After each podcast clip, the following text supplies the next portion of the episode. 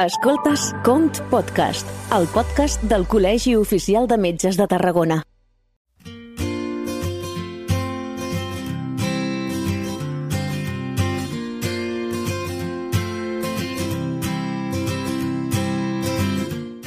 Benvinguts als Com Podcast. Com ja sabeu, Com Podcast és una secció que us apropa les novetats en matèria de salut, les darreres eh, històries dels metges i metgesses de Tarragona i del camp de...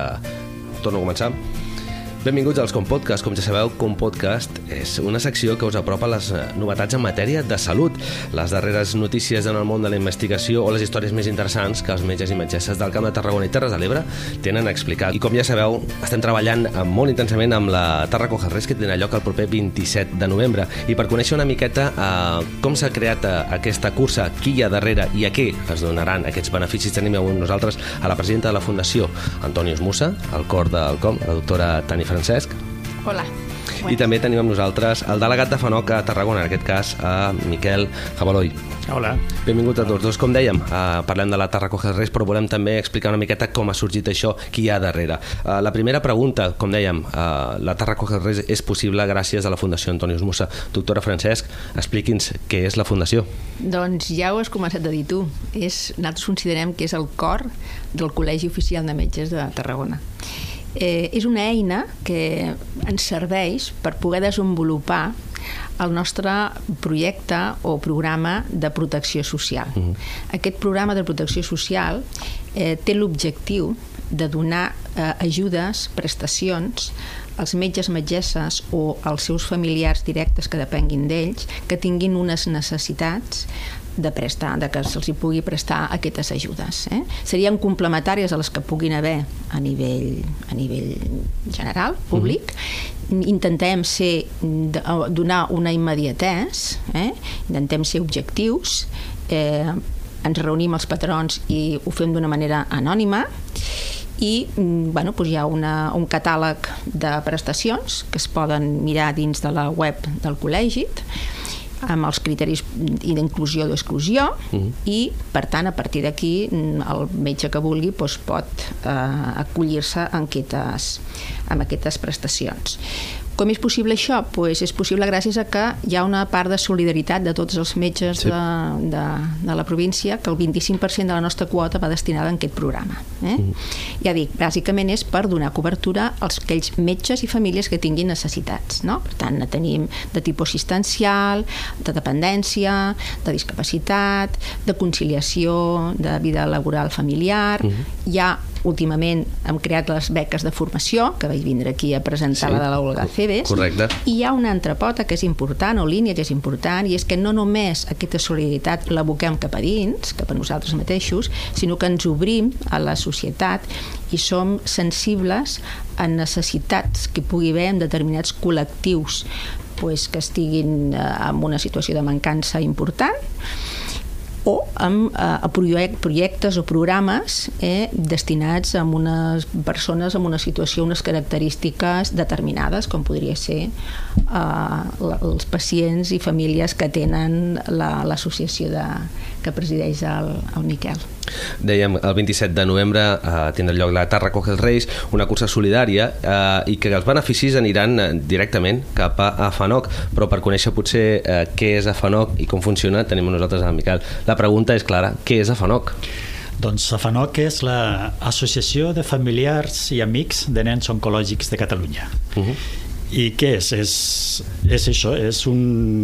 va néixer a partir d'una trobada de, de familiars que, que, que es trobaven a, a l'Hospital Vall d'Hebron, a Barcelona, perquè són, és l'hospital de referència per als tractaments oncològics fa 37, 37 anys, no? El 87. L'any 87, sí. Musset. Sí, sí, sí, l'any 87. I a partir de, de, de viure l'experiència d'estar de, uh, a l'hospital amb els seus fills, que a nivell mèdic diguem, estaven coberts al, al 100%, no? totes les, les necessitats, però que el càncer és una malaltia de llarga durada. Mm. O sigui, mm. aquests nens, aquests pares, aquestes famílies passaven molt de temps, molts dies tancats a l'hospital. I en aquell moment, al voltant de, de la malaltia, no hi havia cap tipus d'assistència, per, tant per als nens, nenes malaltes, com bueno, per al resta de, de familiar. No? I llavors aquests, aquests pares i mares van, van crear aquesta associació per tal d'omplir primer aquest, aquest espai buit no? Com? Pues a partir de, de, de buscar voluntariat, de, de buscar eh, mestres que poguessin atendre els seus, els seus fills i, i després la cosa, clar, vam veure que, que no només la malaltia no només afectava al, al, al nen en aquell moment, sinó a tota la família, no? al voltant de la família. No? I a partir d'ahir, bueno, a partir de l'experiència pròpia, de veure què falta anem a, a buscar solucions anem a buscar solucions no? i aquest és una miqueta l'origen de, de, de la FANOC i és el nostre dia a dia no? anar, complint, anar omplint els espais buits que la família es pugui trobar ho deies que gran part de, de, del sistema de funcionament de, de FANOC en aquest cas és del voluntariat però també entenc que hi pot haver una part de, de, de finançament com, com, com funcioneu? Sí, bueno, nosaltres eh, com, com a associació clar, tenim un equip tècnic en el seu moment quan es va crear doncs eren pares i mares voluntaris però clar, en, en aquell moment el, el fer activitats no, per l'associació, no? quan tens la feina, quan tens el, bueno, la família i més, clar, s'arribava s'arribava poc. No? Llavors ja es va començar a, a buscar un perfil professional, amb, llavors tenim un equip tècnic que és el que manté l'associació, i després tot el voluntariat. I com funcionem? Pues, optant a totes les subvencions havides per haver, de les institucions públiques, diputacions, Ministeri, Generalitat, Departament de Salut, Joventut, o sigui, optem a, a tot, però bàsicament a partir de, dels suports i dels recursos que neixen a partir de, la, de les activitats socials, és el que nosaltres diem implicats. No? Mm. Hi ha entitats, gens que, que, que que fan aquestes accions d'implica, com aquesta cursa de la que parlem avui, i tot això ens dona, ens dona aquest tipus de subvencions. Fem les festes del Posa't la Gorra, Aventura, aquí en Tarragona, ara tenim la propera d'aquí a dos diumenges a Barcelona, al, al poble espanyol. Bé, mirem de buscar activitats completament que, que es donin aquesta solvència econòmica no? per poder tirar endavant el, el projecte. Doctora, uh, ho comentaves uh, tot just quan començàvem, però uh, podríem explicar-ho una miqueta més? Uh, quina mena d'ajudes des de la Fundació uh, es poden donar a uh, metges que, i metgesses, evidentment, que ho puguin necessitar? Hi havia tres categories, oi? Doncs hi havia el que he comentat abans, no? les, de, les assistencials, discapacitat, dependència, conciliació de vida familiar i laboral i mm, les formatives. Aquestes són les bàsiques per la solidaritat interna. No? Uh -huh. I després hi havia aquesta, aquesta vessant d'obrir-nos a que hi hagin projectes o hi hagin programes que ens puguin vindre a demanar en un moment donat de necessitat de, de, del nostre voltant, no? vull dir, de la nostra societat. Mm, al fi i al cap eh, formem part i hem de ser garants eh, des del Col·legi de Metges de la sanitat i vetllar sí. per la bona sanitat. És una de les nostres, eh, no només el col·lectiu, els col·legis de metges han de vetllar pels propis metges, sinó perquè hem de vetllar perquè els nostres metges donguin una bona atenció, eh? en funció de, de, de protegir a la societat que tinguin una bona sanitat i trucar les portes que calguin perquè això sigui possible. Eh? Llavors, eh, en funció d'això, tenim aquesta possibilitat de que pugui puguin vindre programes o ens vinguin a demanar. Llavors, el, el, que fem els patrons, ens reunim, com que això serien coses que no les tenim contemplades dins els catàlegs amb uns criteris d'exclusió o inclusió, ho valorem, no? Mm, ens donen el projecte que doncs, eh, ens, ens, ens proposin i a partir d'aquí nosaltres donem una, una resposta i com no ens havíem d'implicar en un tema d'aquest tipus, evidentment. Correcte. No, ho vam tindre claríssim. Uh, Miquel, tu a més de ser delegat de FANOC, també, uh -huh. uh, en el teu cas personal, vas viure uh, ben de prop uh, el càncer, oi? La situació. Sí, sí, de fet, jo estic a la FANOC per això, a partir de l'experiència personal, que et fa veure coses, no? I et fa veure la, la vida d'una altra manera. Clar, jo abans de, de, de la meva experiència no coneixia FANOC. No, no, bueno, és que no, com no toca no, no, no saps no?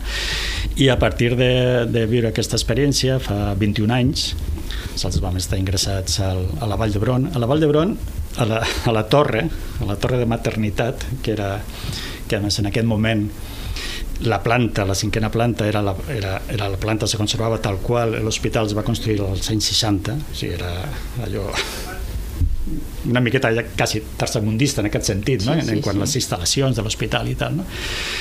I, i de fet, bueno, ens vam trobar allà i, i allà vam conèixer el, el tema de l'associació. Clar, el, el primer dia no, que estàs allà a l'habitació i, i t'entra un voluntari, no, una persona, diu, escolta, que són voluntaris d'aquesta associació, que si necessiteu sortir a l'habitació, fer gestions, qualsevol cosa tranquils, que nosaltres ens quedem amb la nena, que mira que tenim la sala de jocs... Clar, no, comences a veure ja una gent que dius, bueno, i això, I aquesta gent, què fa, no? Sí. Que no són els metges, no? Perquè l'equip metge mèdic passava al matí, feia la visita 10 minutets i fins l'endemà, no? i bueno, les infermeres, el fantàstic equip d'infermeria que sí que estava allà les 24 hores al, al nostre costat no? I, i, i aquesta va ser la, la, el coneixement de l'associació i llavors el meu implicat, allò que parlàvem també una miqueta, clar, ens trobem això, que, que hi ha moltes famílies que un cop han viscut l'experiència hi ha com un retorn, hi ha un feedback de cara sí. a, la, a lo que han rebut, no? I, bueno, en, en, el meu cas, doncs, una miqueta va ser obrir aquesta delegació aquí a Tarragona, no? perquè, clar, un cop mm, surts de l'hospital, no? t'envien cap a casa, però on donen l'alta diguem, la, la, yeah. el teu fill, la teva filla continuen estant malalt, no? el que passa és que ja, bueno, ja els tractaments van, van variant no? i clar, i tornar aquí, no? tornar a Tarragona a Cambrils, en, en el meu cas no? estàs a cent i pico quilòmetres de l'hospital no? però la teva filla és, ai, que té unes dècimes de febre, que té no sé què no? aquí, què faig, no? bueno, se creen unes inquietuds i unes, i unes incerteses que van veure positiu tenir almenys un, un punt, no? un, un punt de, de, de referència per a les famílies aquí, aquí en, en el territori, no? en Tarragona. No? I van crear la, vam obrir la delegació i ja des de la delegació ja donem suport psicològic, donem suport assistencial, creem activitats, tot això ha anat, ha anat creixent, no, no, creixent. en el temps. No? Doctora Francesc, quan eh, arriba la proposta de crear la Tarra Coger Reis a la taula dels patrons de eh, la Fundació Antoni Esmussa, eh, com va ser? Per què es va finalment donar uh, aquesta ajuda per dir, escolta, tirem endavant aquesta activitat perquè realment uh, el, el, la finalitat, uh, com dèiem, que és de caràcter també solidària, i en aquest cas per a FANOC, uh -huh. uh, us va portar a decidir tirar endavant aquest projecte? Doncs per dos motius bàsics. El primer, perquè el 100% de la recaudació anava a un projecte amb el que consideràvem que hi havíem de donar suport. Mm. Això va ser el primer. Eh? Ho vam tindre tots clar. Jo també, comentava jo abans, no? que jo, jo soc geriatra, però estic dins el món de les cures pal·liatives. Per, i, i, I durant molta, molt temps de la, de la meva exercici ha sigut en les cures pal·liatives oncològiques. Per tant, conec aquest món, conec aquestes mancances, conec el que la hauria d'estar dins del sistema públic i no està, mm-hmm. -huh. i conec això, eh, com se busquen els recursos i com te busques la vida, no? Nosaltres com a professionals per estar uh, al dia a dia i poder donar el millor possible pels nostres pacients i les seves famílies, i a les famílies per sentir-se acollits i aquestes incerteses que tens, doncs no tindre-les, no? Per tant, jo ho vaig tindre claríssim, però és que tots ho vam tindre molt clar, eh? que, havia de, que havia de ser això. I després hi ha la vessant de que era una cosa esportiva, per fer exercici. Clar, vull dir, fer exercici no cal que expliquem els beneficis que té per les persones fer exercici, Correcte. no? Per tant, vam dir, pues, bueno, pues vinga, hem de fer exercici, pues, vinga, el que pugui més, que faci els 10 quilòmetres corrent, els altres els 5, i el que no, doncs que passegi, que pot anar amb les criatures, que poden anar amb els animals de companyia o amb els amics, no?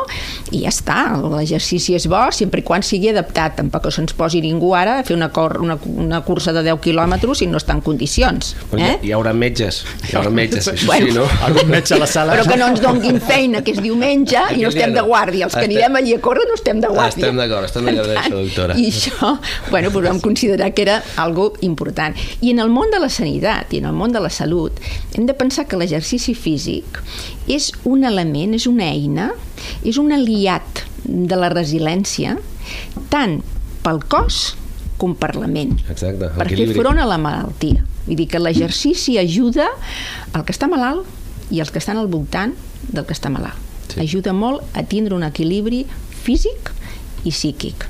Eh? Sempre adaptat, això sí. Ja heu sentit, doncs, el que diu la doctora, equilibri. Uh, Miquel, seguim. Uh, a FANOC, en aquest cas, també dona un cop de mà a la Tarraco Health Race. Uh, en quina mesura i, i com? Sí, bueno, mm, el dia de la cursa, ja davant al, al Parc Saavedra, no? hi haurà tota una sèrie d'activitats sí. i de més, i nosaltres estarem allà, tindrem presència amb els nostres voluntaris, amb el amb algunes activitats i, i, i bé, i, i, i des de la FANOC també convidant a tothom fent ressò d'aquesta cursa per fer esport, que és salut, i per col·laborar amb l'associació. La, També ens havien comentat que a l'hora de, de, de realitzar la cursa, des de FANOC eh, ens, eh, ens han dit que hi haurà voluntaris que ajudaran a muntar la bossa del, del corredor, que Exacte, de fet és, sí, sí, és una cosa eh, força important perquè s'hauran de preparar sí, sí, sí. més d'un miler de bosses probablement sí, sí, sí. i necessitarem gent que en aquest sí, sí, cas doni compte mà. En, en el nostre cas el voluntariat és... De fet, sense, si, no, si no tinguéssim un cos de voluntariat tan potent no, no, no podríem podríem fer. És la clau, oi? És la clau, és la clau, no? I tenim uns voluntaris que, escolta, que, que estan sempre al, que faci falta. No? Perquè nosaltres, a nivell personal, aquí a la delegació, sí, ten, tenim un equip de, de tres persones, que són diguem, els tècnics, els que treballen, no? Mm. que van al dia a dia, però, clar, després tots els implicats, les, les paradetes, no? el merchandising, el, aquest tipus de coses, tot això és gràcies als voluntaris. Sí, sí. I ahí estarem, al peu del canyó. Sí, sí. Us volia fer una pregunteta abans d'acabar. Uh, suposo que ja, ja esteu inscrits a la cursa, no? Jo sí. Jo estic, jo estic en procés. jo sí. Jo estic, sí, estic i a més pensant més... si els 10 quilòmetres o els, o els 20 directament. I si no, caminant. Sí. Jo, a més a més, hi arrossega de tota la família. Els que sí que podran vindre i els que no vindran. Tots. Però, aquest, aquesta, aquesta és la, la idea i, i l'objectiu, arrossegar el màxim de, de gent possible. I us volia preguntar, com podem aconseguir eh, captar el màxim de, de participació possible? Com es pot fer una crida? Perquè entenc que amb conceptes tan, tan, tan importants com és la salut i la solidaritat, crec que ja ho tindríem fet, això, però no sé com podríem arribar a, a copsar l'atenció de la ciutadania perquè el 27 de novembre participin a la Terra Coge els Reis. Com ho podríem fer això? Sí, bueno, jo crec que és fer ús avui en dia de totes les xarxes socials que, que tenim al nostre abast, no? que, que bueno, la gent estem tots enganxats pràcticament a aquest tipus de coses i fer, fer campanyes per aquí i, i sobretot el, el missatge aquest clar no? que, que és, penso que és important no? el tema de, de, que ve des del col·legi de, de metges que per mi això és molt important no? que els metges facin aquesta acció de, com comentava la doctora abans no? d'envers la salut i després que és totalment solidari no? o sigui, per nosaltres el, el, per l'associació és bàsic aquest tipus de, de, de solidaritat també de, de, de la gent, no? per mantenir pues, la Casa dels Xuclis, que, que, que no parlat, no? però que són, són projectes que realment que les famílies quan, quan es troben en la situació del, del nen malalt, que han d'anar a Barcelona, que s'han d'anar a viure a Barcelona, que bueno, tota la problemàtica que hi ha, que la gent sàpiga que quan una família es troba en aquesta situació, tots els serveis que es donen des de la FANOC, que, que, que són molts, no són tots els que voldríem, però són molts, són totalment gratuïts també per la, per la mm. família. No? el fet de, de viure a la casa dels sucles el temps que calgui, no? és, és totalment gratuït. No? Clar, això ho podem fer gràcies a, a, a la cursa de, de Tarragona i a, i a les altres activitats que, que se realitzen.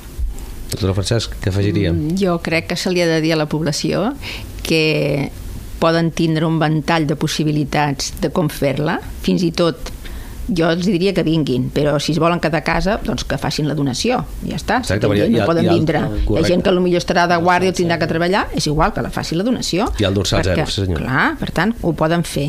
I si no, que pensin que serà un dia que per compartir amb la família, amb els companys de feina, amb els amics, per passar una bona estona i al final del dia pues, hauran fet esport que els anirà bé, no? I a més a més hauran fet pues, un acte de solidaritat molt necessari. O sigui que al anar a dormir tots ens sentirem molt a gust amb el que haurem fet aquell dia.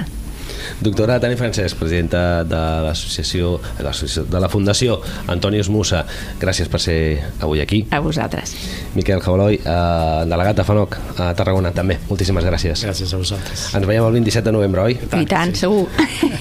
Doncs a tots els que ens escolteu i també ens veieu el 27 de novembre teniu una cita amb l'esport i la solidaritat a la Tarracoges Reis. Teniu eh, al web www.tarracogesreis.com per fer les inscripcions, 10 quilòmetres, 5 quilòmetres, caminada solidària, dorsal zero i també, que no ho hem dit, però hi ha l'activitat de la classe de Zumba, si esteu interessats uh -huh. en ballar una miqueta i bellugar el cos i el que dèiem, una activitat solidària de caire anual i en la que per descomptat es promociona la salut. Ens veiem i ens escoltem en un proper com podcast ben interessant. A reveure!